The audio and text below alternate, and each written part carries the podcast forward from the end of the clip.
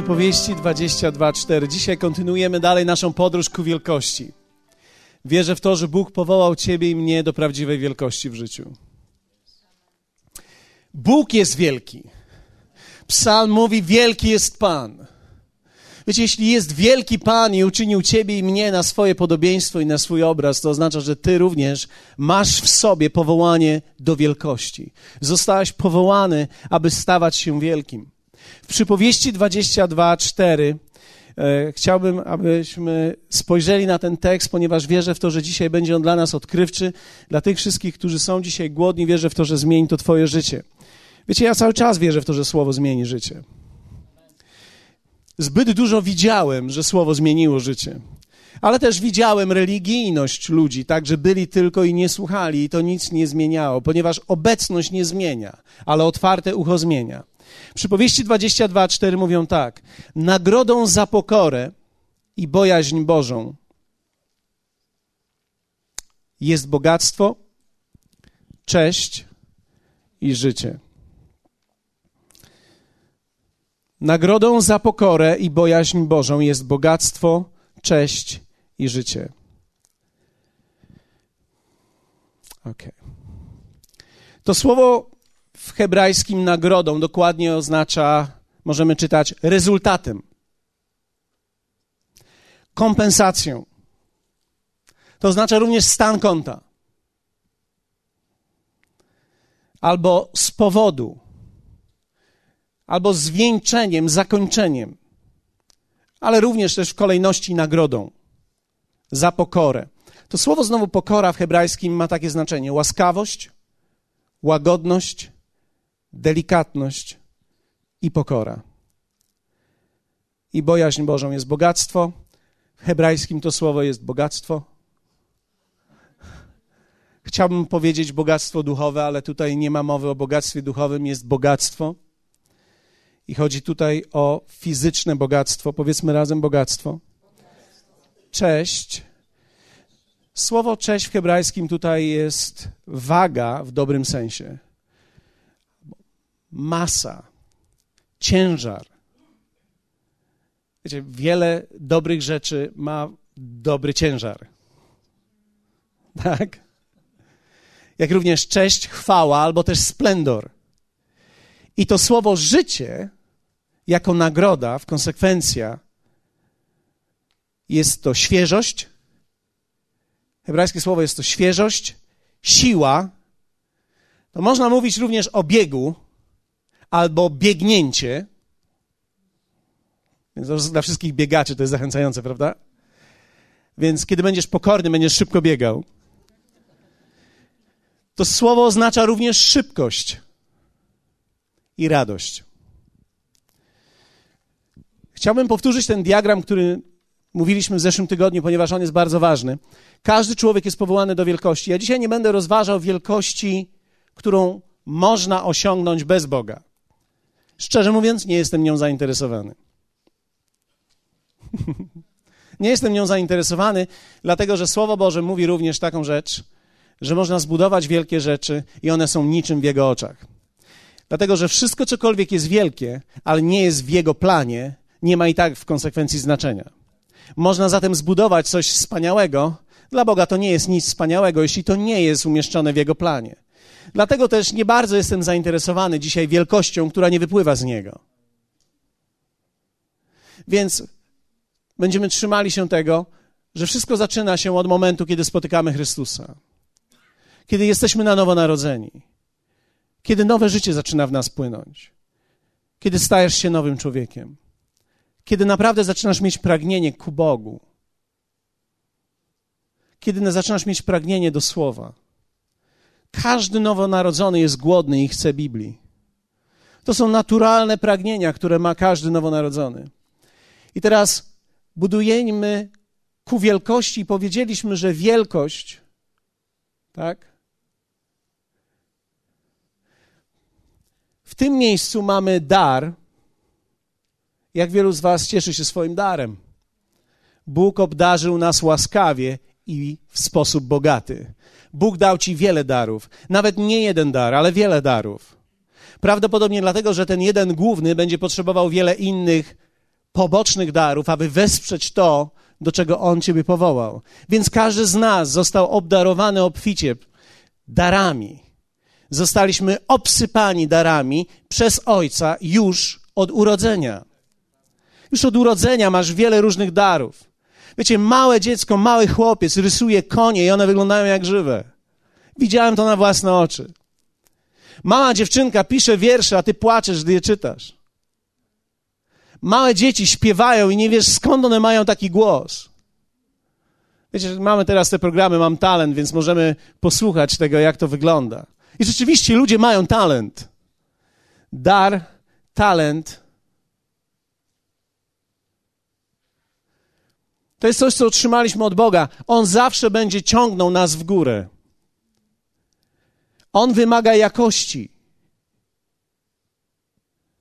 Jakość jest naszą pracą. Można mieć talent, ale jeśli nie pracujesz nad talentem, ten talent będzie mizerny. Wiecie, jest wielu ludzi, którzy, ma, którzy mają jakiś talent, ale ponieważ go nie rozwijają, on pozostaje słabym talentem. Więc nawet dobry talent nierozwijany przestaje w konsekwencji przynosić zysk i, przy, i przestanie w konsekwencji poruszać ciebie w górę. Więc to jest Twoja praca i moja praca. To jest jakość, praca nad darami, praca nad tym, co jest dane nam. Ale teraz dar ciągnie Ciebie w górę. I dar będzie sprawiał, im, im większa jakość będzie tego daru, tym bardziej popularny, tym bardziej znany będziesz. Niekoniecznie znany w sensie TVN, ale znany w swoim środowisku, w swoim domu, w swojej rodzinie będzie ciągnęło cię to w górę, ponieważ świat oczekuje daru. Świat jest głodny daru. Świat chce daru. Świat zapłaci za dar. Twój dar, twój talent, co w czymkolwiek dobry jesteś, świat chętnie za to zapłaci. Oczywiście jak najmniej tylko może. Ponieważ świat nie chce cię błogosławić. Świat chce cię użyć. Natomiast jest kolejna rzecz, która tak naprawdę jest pracą ku wielkości, to jest nasz charakter.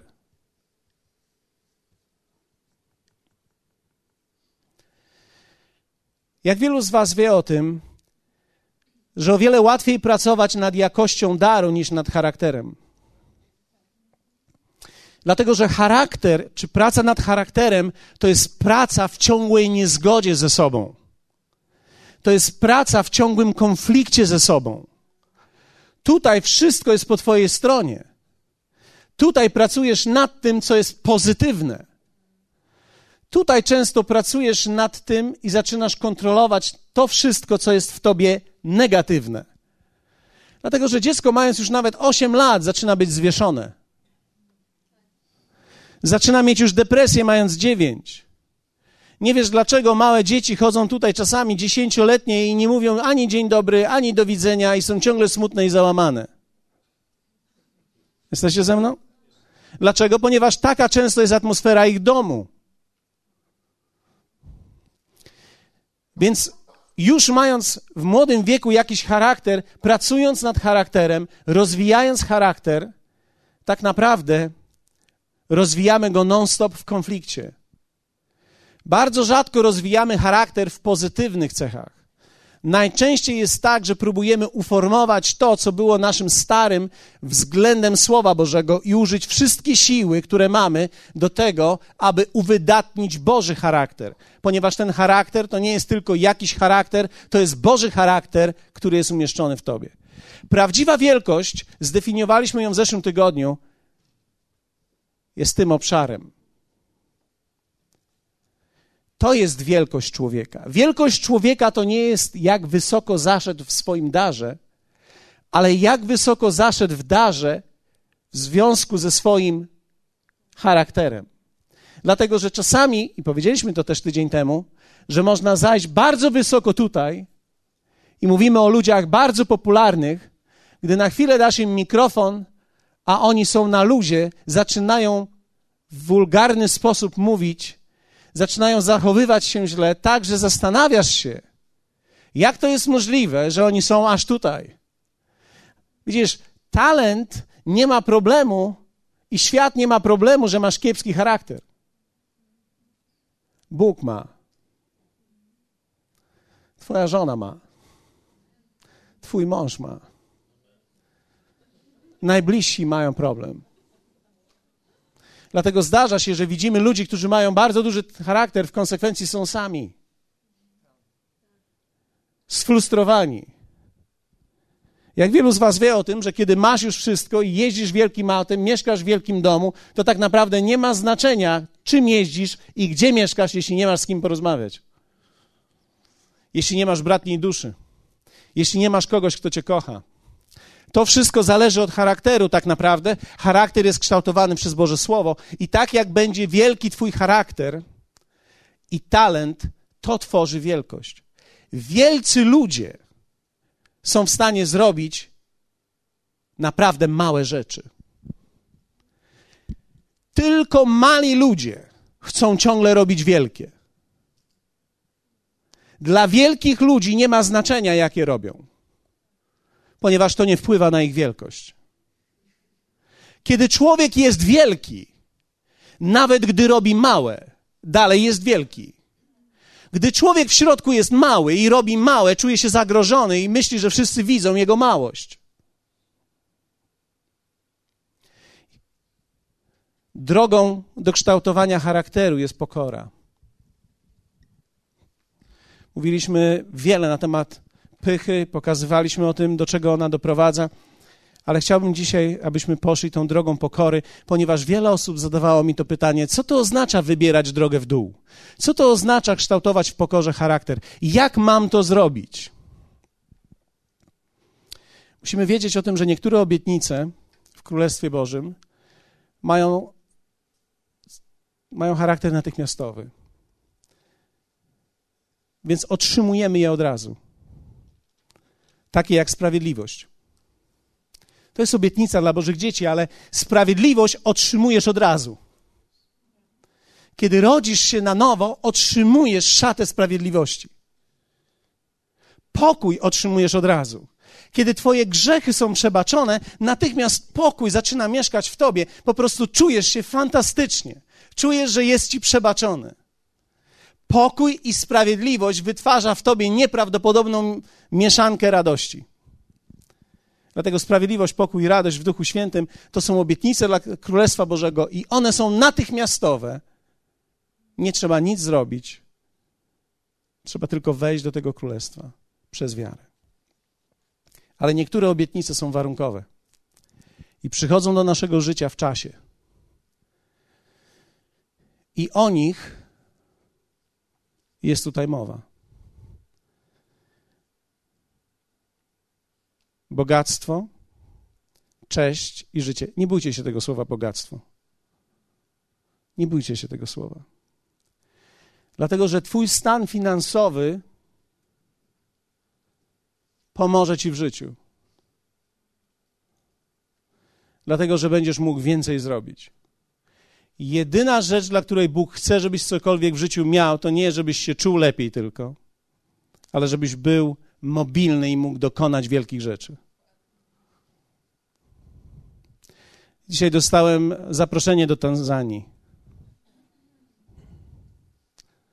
Chętnie polecę. Czy ktoś ma na bilet? Widzisz, Twoje posiadanie, Twoje posiadanie umożliwi rozwój królestwa. Więc nie bójmy się słowa bogactwo, ponieważ ono jest zgodne z przymierzem Bożym. Często, kiedy poruszamy słowo bogactwo i zaczynamy się bać, to tylko dlatego, że ktoś nas straszył, że to nas wprowadzi w coś niewłaściwego. Ale wiecie, tak jak może wprowadzić nas to w niewłaściwe myślenie, tak również widziałem, jak ubóstwo wprowadza ludzi w całkowicie złe myślenie. Więc to sprawia, że nagle mamy podział i zaczynamy mieć taką sytuację, że ubodzy w kościele zostają, a wszyscy, którzykolwiek chcą mieć pieniądze lub mają pieniądze, muszą wyjść. A? Jesteście ze mną?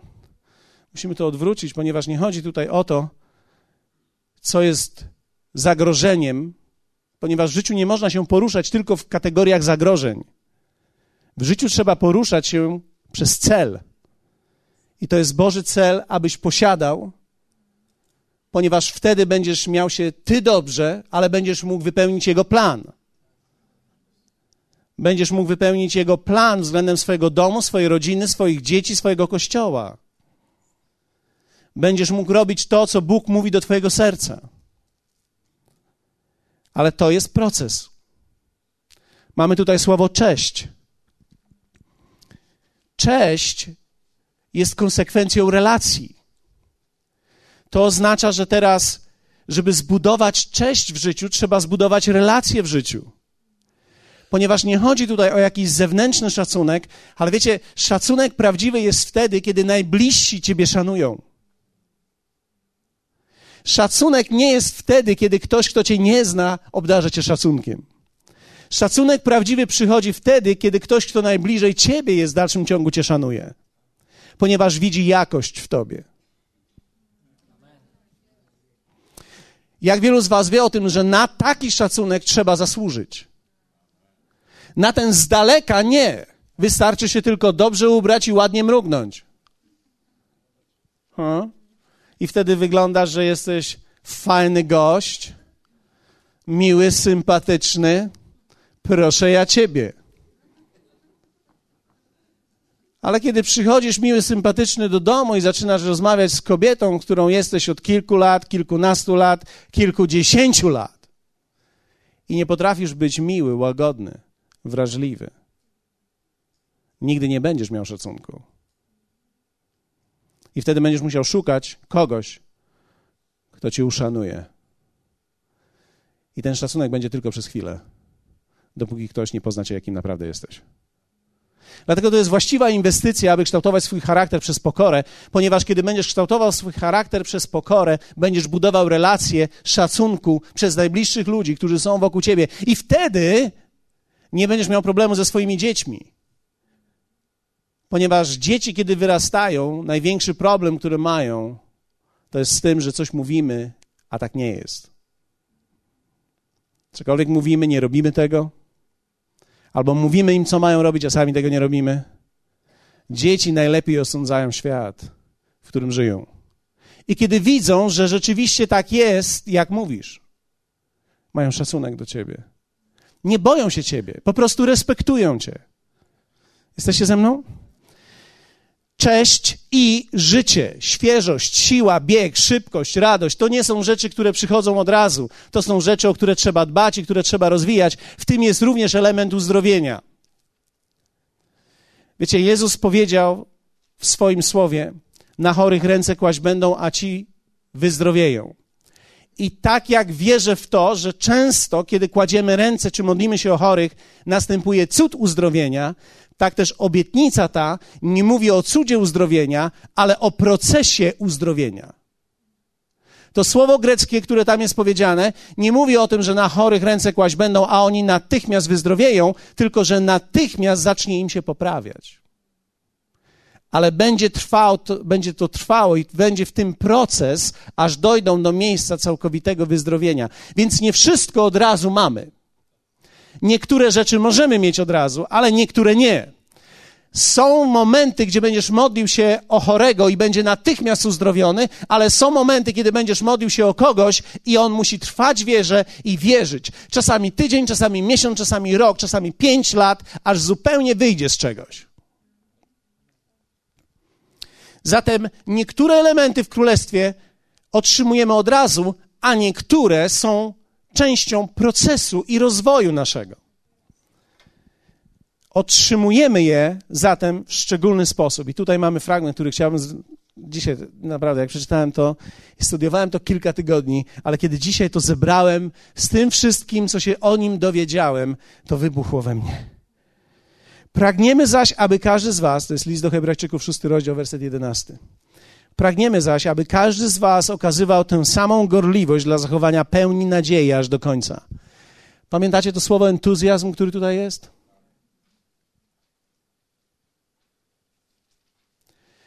Entuzjazm często towarzyszy wszystkim na początku, ponieważ jest to euforia zbawienia. Ale najsmutniejsze dla mnie jest, kiedy widzę wierzących po 10-20 latach, którzy stracili entuzjazm i śpiewają to w takim tonie. Czy wiesz, skąd ja mam ten entuzjazm? Jezus. Czy wiesz, skąd ja mam ten entuzjazm? Jezus. Widzisz, dlaczego tak jest? Ponieważ euforia, którą przeżywamy w zbawieniu, nie pozostanie tą samą euforią po 20 latach. Entuzjazm to słowo greckie dokładnie oznacza Bóg wewnątrz, jest wynikiem dojrzałości i prawidłowego prowadzenia procesu życiowego. Dlatego, że ja będę miał entuzjazm i będę widział rzeczywistość fantastycznie, kiedy ona będzie się przede mną otwierać. A żeby ona się przede mną otwierała, muszę żyć w objawieniu i w świeżości, byciu z Panem. Muszę widzieć drogę przed sobą, muszę słyszeć słowo dla siebie. Muszę być w tym, do czego On mnie powołał. Wtedy będę żył ciągłym entuzjazmem. Czy to jest możliwe? Tak, możliwe to jest. I proszę Was, nie przekonujcie mnie milczeniem, że nie.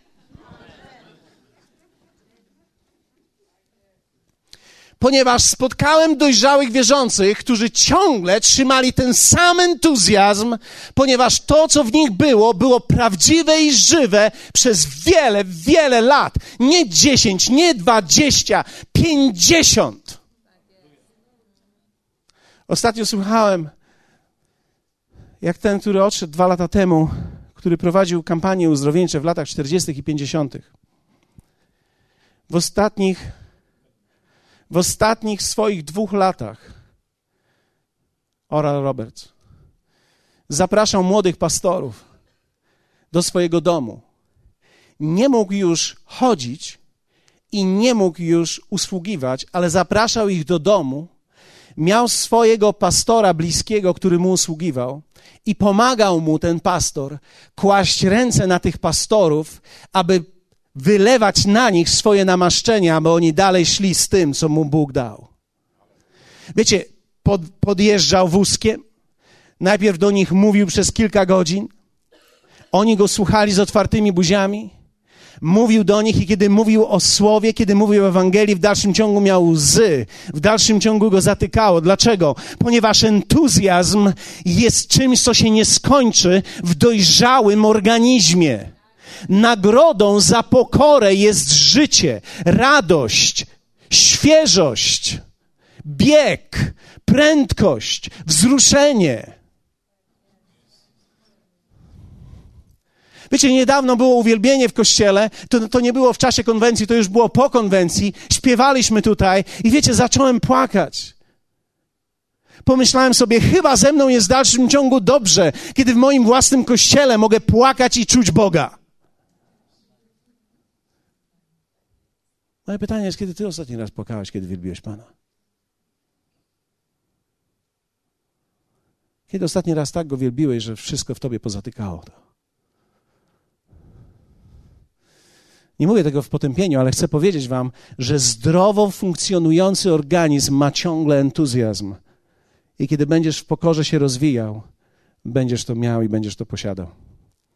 Nie będziesz mówił, muszę powrócić do mojej pierwszej miłości, ponieważ nigdy jej nie zgubisz. Poza tym, nigdy nie można wrócić do pierwszej miłości. Można tylko miłość rozwinąć. Kiedy próbujesz wrócić do pierwszej miłości, ona już nie jest nigdy taka sama. To samo też jest w kościele. Niektórzy ludzie zakochali się w wodzie życia, gdy byliśmy na Gnieźnieńskiej i próbowali non-stop mentalnie wrócić do Gnieźnieńskiej, powracając mentalnością do tamtego czasu i do tamtego stanu. Ostatnio był Paul Forsien u nas w czwartek i pamiętam, że rozmawialiśmy o tym i on mówi, Paweł, jak się cieszę, że woda życia nie wygląda już tak, jak pierwszy raz, gdy was spotkałem. Hallelujah. Pragniemy zaś, aby każdy z Was okazywał tę samą gorliwość dla zachowania pełni nadziei aż do końca. Tą samą gorliwość to jest dokładnie ten sam entuzjazm, ten sam rodzaj euforii, który jest wewnątrz Ciebie aż do samego końca. Abyście nie stali się ociężałymi, ale byli naśladowcami tych. O jejku. O ludzie. Jakbym chciał, żebyście weszli w to, w czym ja jestem w tej chwili. Abyście się nie stali ociężałymi, ale byli naśladowcami tych. Wiecie, są jacyś ci, którzy, którzy jakoś żyli. Jakoś inaczej niż ci inni. Oni żyli jakoś tak, że przez wiarę i cierpliwość odziedziczyli i dziedziczyli obietnicę. Gdy bowiem Bóg dał Abrahamowi obietnicę, a nie miał nikogo większego, na kogo bym przysiąc, przysiągł na samego siebie, mówiąc zaiste. Co za słowo. Dokładnie w greckim tu jest zapewniam cię, zapewniam cię. Będę błogosławił ci. A w greckim dokładnie jest tak: zapewniam cię, zapewniam cię błogosławieństwem ubłogosławię Ciebie.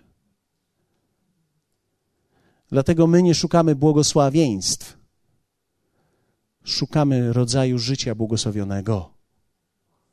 Bo kiedy żyjesz błogosławionym życiem, błogosławieństwa są naturalną rzeczą. Ja widziałem ludzi, posłuchajcie mnie.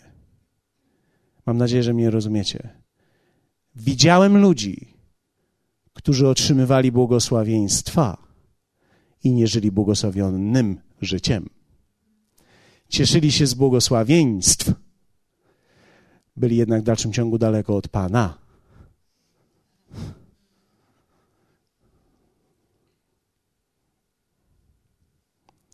Gdy bowiem Bóg dał Abrahamowi obietnicę, mówiąc zaiste, zapewniam, będę błogosławił Ci obficie. I tu mamy słowo rozmnożę cię bez miary, dokładnie w greckim jest rozwinę, powiększę cię. Najpierw cię rozwinę, najpierw cię powiększę i dopiero wtedy cię pomnożę. Bóg rzadko kiedy pomnaża coś, czego nie rozwinął. Więc najpierw Bóg będzie powiększał ciebie, zanim ciebie pomnoży. I dalej jest rozmnożę cię bez miary. I werset 15 mówi tak. A tak. Powiedzmy razem, a tak. W greckim to jest w ten sposób. W taki sposób szła ta droga. A tak, ponieważ, zobaczcie tutaj to słowo, czekał cierpliwie. Otrzymał to, co było obiecane. Dokładnie to słowo obiecane nie jest w greckim obietnica, ale co było wypowiedziane nad nim. Słowo zostało wypowiedziane nad tobą. Nad twoim życiem jest słowo. Tak prawdę mówiąc, ty jesteś słowem, bo zostałeś zrodzony z Boga, który jest słowem, więc ty jesteś również słowem. Jesteś słowem, który został posłany na ten świat. To słowo tylko musi wpaść do właściwej gleby aby otrzymało właściwe, właściwą opiekę, właściwą temperaturę, właściwe zaciemnienie, właściwą ciemność, aby obumarło. I wtedy ożyje.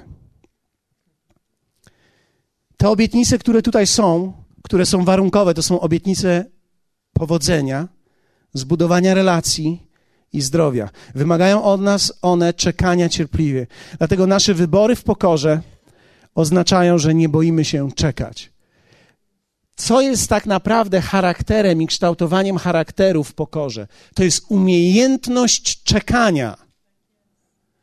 Umiejętność właściwego czekania na właściwe. Chrześcijaństwo to jest umiejętność czekania na właściwe. Świat nie znosi tego. Świat chce mieć wszystko teraz. Nawet za cenę długu chcę mieć to teraz.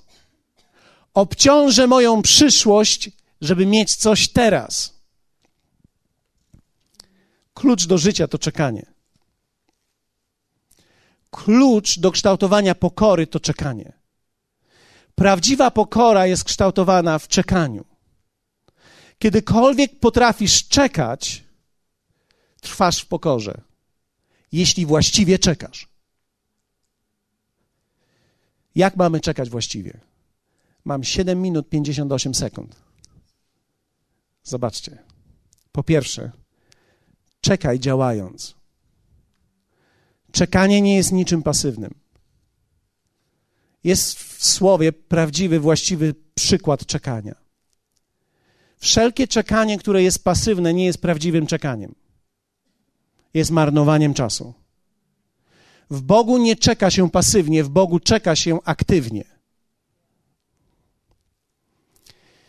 W Jeremiasza 29 wszyscy znają fragment z wersetu 11, który mówi: Ja wiem, ja znam, jakie mam myśli o Was.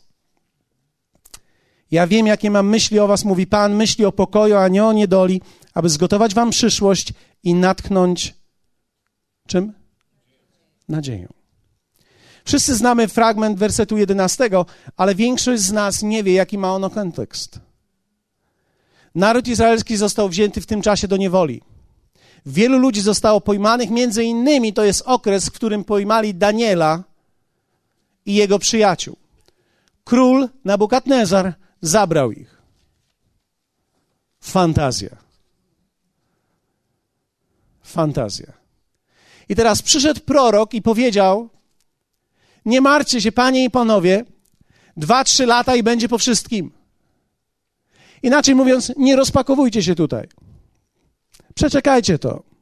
Usiądźcie na walizkach, zróbcie sobie herbaty, dwa, trzy lata i będzie po wszystkim.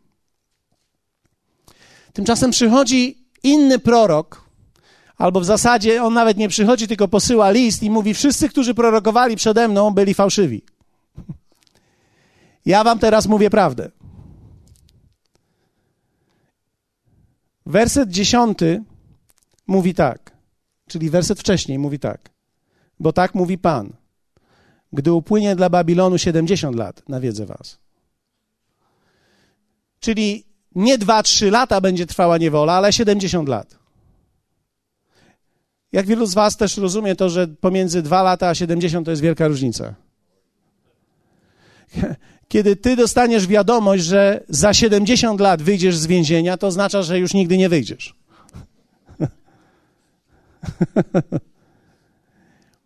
Różnica pomiędzy fałszywym prorokiem a prawdziwym prorokiem nie było to, że oboje nie znali planów i Bożych i pragnień Bożych. Ponieważ nawet fałszywy prorok jest w stanie rozpoznać pragnienia Boże. Ale wprowadzają one ludzi wtedy w stan pasywny. Gdy tylko znasz pragnienia, a nie znasz celów, w dalszym ciągu nie spotkałeś prawdziwego proroka. Dlatego dzisiaj też w Polsce ja staję trochę przeciwko temu. Mam nadzieję, że rozumiecie moje serce. Ja nie jestem przeciwko ludziom, ale są ideały, które rozpoznają serce Boże, że będzie przebudzenie w Polsce. I to jest Boże serce. Ale niektórzy ludzie, którzy mówią, że będzie przebudzenie i czekają na przebudzenie, czekają na nie pasywnie ponieważ myślą, to jest tylko kwestia dwóch, trzech lat i będzie przebudzenie.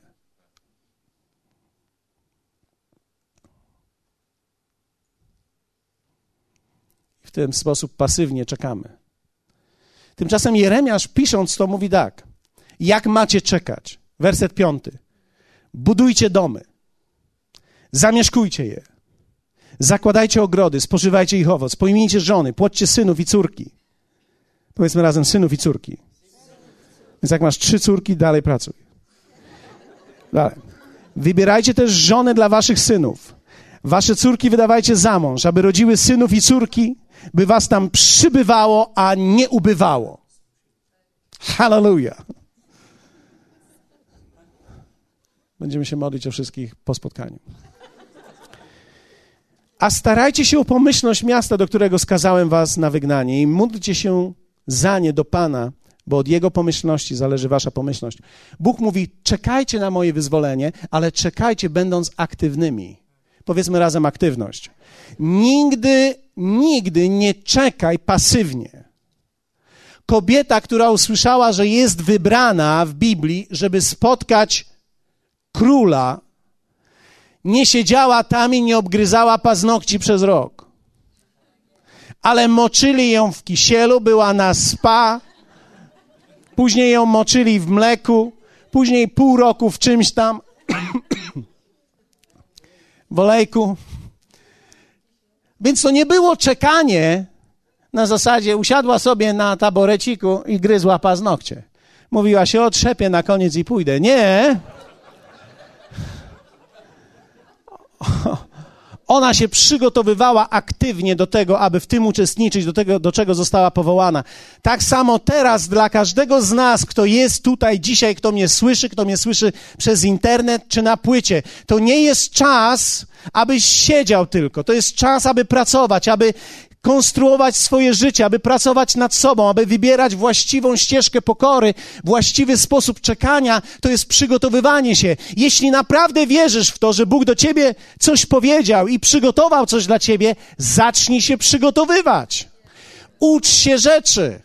Hallelujah. Drugi rodzaj. Jak czekać właściwie? Czekaj w radości. Radość jest stanem zaufania, że wszystko jest dobrze pod Jego panowaniem. Nie muszę mieć wszystkiego, aby radować się. Panem i planem dla mnie i Jego działaniem. Posłuchajcie mnie, frustracja nie jest wiarą. Gdyż frustracja męczy, a wiara jest odpocznieniem. Czekanie z radością. Dlatego, kiedy przychodzimy, aby wielbić Pana, to nie jest tak, że po pięciu latach, no kiedy? Kiedy w końcu, no? Ponieważ Bóg pomoże ci w ten sposób umrzeć w tym. Ponieważ On nie będzie błogosławił frustracji. Jeśli jesteś czymkolwiek sfrustrowany, najpierw musisz być uwolniony. W prawidłowy sposób musi ci przestać źle zależeć. Dlatego wtedy czekamy z radością. Bóg ma wspaniały plan dla Twojego życia. Trzeba czekać z radością na to. Na te wszystkie rzeczy, które wyjdą w trakcie. Nie jest teraz wspaniale? To nic. Ale w porządku. Co potrzebujesz dzisiaj? No potrzebuję tamtego do szczęścia. Nie. Nie potrzebujesz tamtego do szczęścia. Potrzebujesz Jego do szczęścia. Tamto jest tylko dodatkiem, który cię spotka. Jeśli z tego, co On ci ma dać, uczynisz szczęście, nigdy nie będziesz szczęśliwym. Filipian 1:25, a to wiem na pewno, że pozostanę przy życiu, apostoł Paweł mówi, i będę z wami wszystkimi, abyście robili postępy i radowali się w wierze. Będę z wami, aby was przycisnąć, żebyście się radowali trwając. Hallelujah. Dlatego Kościół, wierzę w to, powinien być najradośniejszym miejscem na świecie. Bez względu na to, że coś się dzieje. Wiecie, nasze życie, my żyjemy tym samym życiem, które żyją wszyscy inni ludzie, z wyjątkiem tego, że żyjemy w innym obszarze. A ten inny obszar to jest sprawiedliwość, pokój, radość w Duchu Świętym. To jest to, że On jest pełnią mojego życia.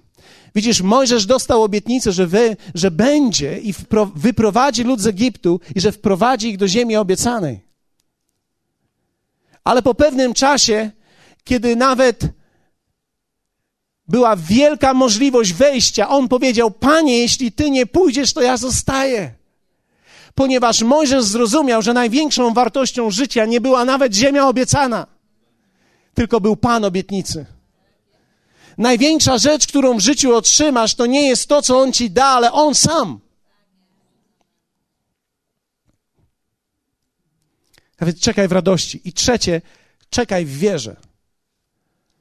Wiara czerpie siłę ze słowa i osoby, a nie z tego, co widzi.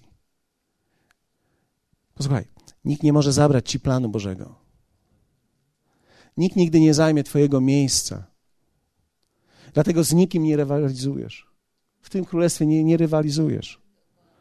To nie jest tak, o, ten już mnie wyprzedził, jak teraz mam, co mam teraz zrobić? Zabij go.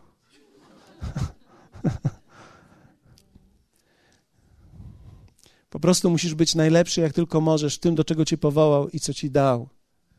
I kształtuj charakter, czekając w wierze. Pamiętam, jak Tony Miller zawsze do mnie mówił: Paweł, nie ma znaczenia, że mieszkasz. Gdzie ty mieszkasz? Mówi. To już jest naprawdę źle, kiedy ktoś chce powiedzieć, gdzie mieszkasz i nie wie, gdzie ty mieszkasz.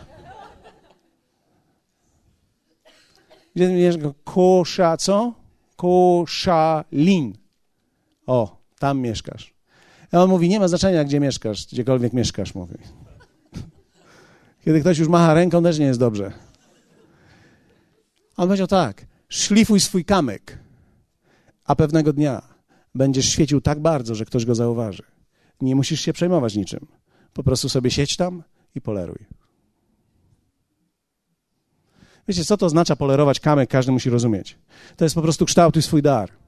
Co to dla mnie oznaczało? Siedź w biurze, czytaj. Módl się.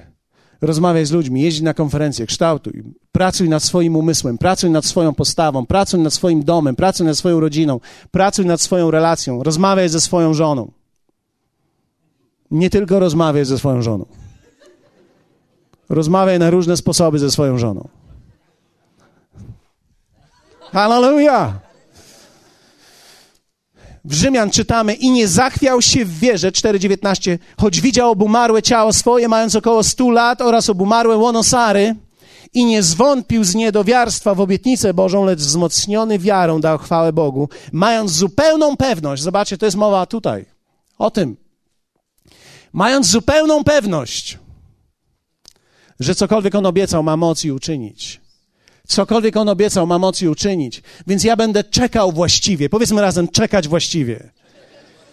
Dlatego też słowo mówi: My nie jesteśmy z tych, którzy się cofają i giną, ale z tych, którzy idą i biorą obietnicę. Nie jesteśmy z tych, którzy się cofają i giną. Nie jesteśmy z tych, którzy przestają czekać, ale jesteśmy z tymi, którzy czekają. Aktywnie, radośnie i w wierze. Jeszcze raz, aktywnie, radośnie i w wierze. E, a wybuchnę, dzisiaj już mam zero przecież. W praktyce, pozwólcie, że podam kilka takich małych rzeczy związanych z aplikacją tego czekania, ponieważ mówiliśmy tutaj o bogactwie, mówiliśmy o relacjach i mówiliśmy o zdrowiu. W praktyce trzeba umieć czekać w finansach. To znaczy, że musisz czekać, umieć czekać, nie chcieć wszystkiego naraz. To bym kupił i to bym kupił i to bym kupił. Wszystko byś kupił. Kupiłby wieś, ale pieniądze gdzieś.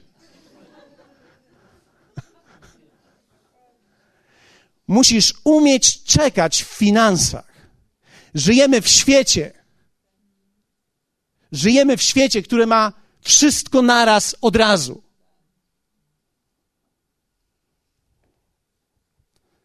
Trzeba umieć w pokorze spłacać swoje długi, zanosić do właściwych ludzi.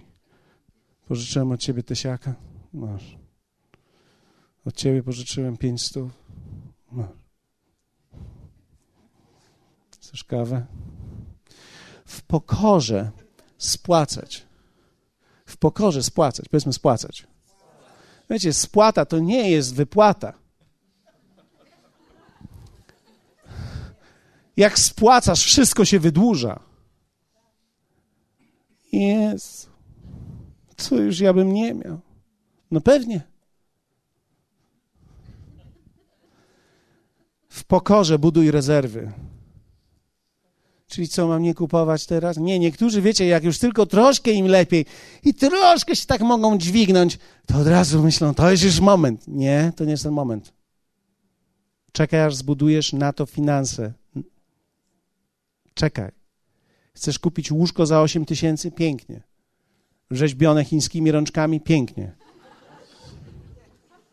Wspaniale. Masz 8? Nie, mogę mieć. No poczekaj, aż będziesz miał.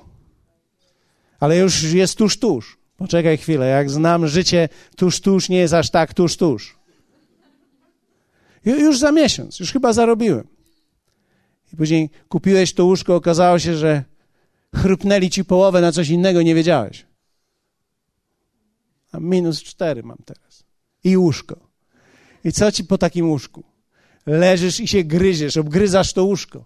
Nie się zastanawiasz, co masz teraz z tym zrobić. Oddać, nie oddać, już mam, cieszę się, ale nie moje. Trzeba umieć czekać.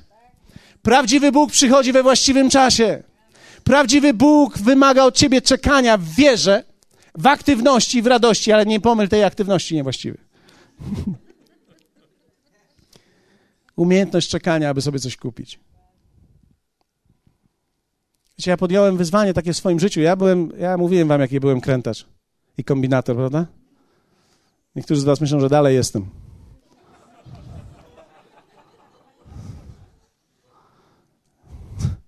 Co ci powiem, nie mogę ci tego wytłumaczyć. Nie można motywów wytłumaczyć. Pamiętam, postanowiłem pewnego dnia, że nie kupię sobie koszuli na grzbiet nie za, za nie swoje pieniądze.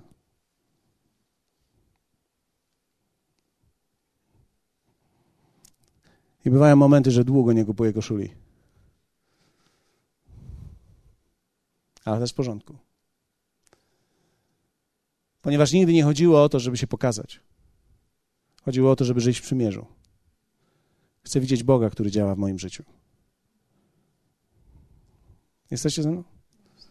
To jest cudowne mieć koszulę, za którą zapłaciłeś, bo miałeś. To jest cudowne wsiąść do samochodu, na który cię stać. To jest cudowne. Trzeba umieć czekać w relacjach. W relacjach. Trzeba czekać na właściwą osobę. Masz 34 lata, jesteś panną? Masz 47 lat, jesteś panną? A rozumiem. Znaczy, może tak, nie rozumiem.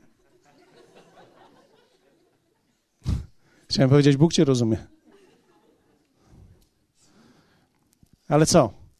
Lepiej jest mieć właściwego i przeżyć kolejne 20-30 lat szczęśliwie, czy od razu wziąć kogokolwiek i mieć 40 lat piekła? Zapytajcie te wszystkie, które mają piekło. Nie mojej żony tutaj. Ona mówiła mi ostatnio, że jest ok. Trzeba czekać na właściwą osobę, trzeba czekać na przemianę kogoś. Ludzie zmieniają się, ale rzadko, szybko, tak jak chcemy. Wiecie, ludzie się zmieniają, ale nie tak szybko, jak my chcemy. I trzeba czekać również w uzdrowieniu. Trzeba umieć czekać w swoim uzdrowieniu. Trzeba również dbać o swoje zdrowie, o swoją świeżość. To jest też również proces. Nie da się od razu jednego dnia zrzucić 30 kilo. Znaczy, można, ale operacyjnie. Ale jeśli nie zmienisz swoich nawyków życiowych, prawdopodobnie wrócisz do tego. Dlatego Bogu chodziło zawsze o to, abyś żył w właściwy sposób, bo On chce poprowadzić Ciebie swoją świętą drogą. Zbyt dużo czasu dzisiaj zająłem wam, 10 minut przedłużyłem, więc wszyscy, którzy mają dzieci, wybaczcie mi to. Ale mam nadzieję, że skorzystaliście dzisiaj z tego. Ponieważ prawdziwa wielkość to jest wybór i to jest umiejętność czekania. Nawet dla nas jako pastorów my musimy umieć czekać. Jeśli wiesz, że to jest wola Boża, to co robisz, powinieneś czekać i robić to tak długo, jak tylko żyjesz na tej ziemi. Nie ma znaczenia, czy ludzie przychodzą, czy ludzie odchodzą. Musisz robić to, do czego zostałeś powołany.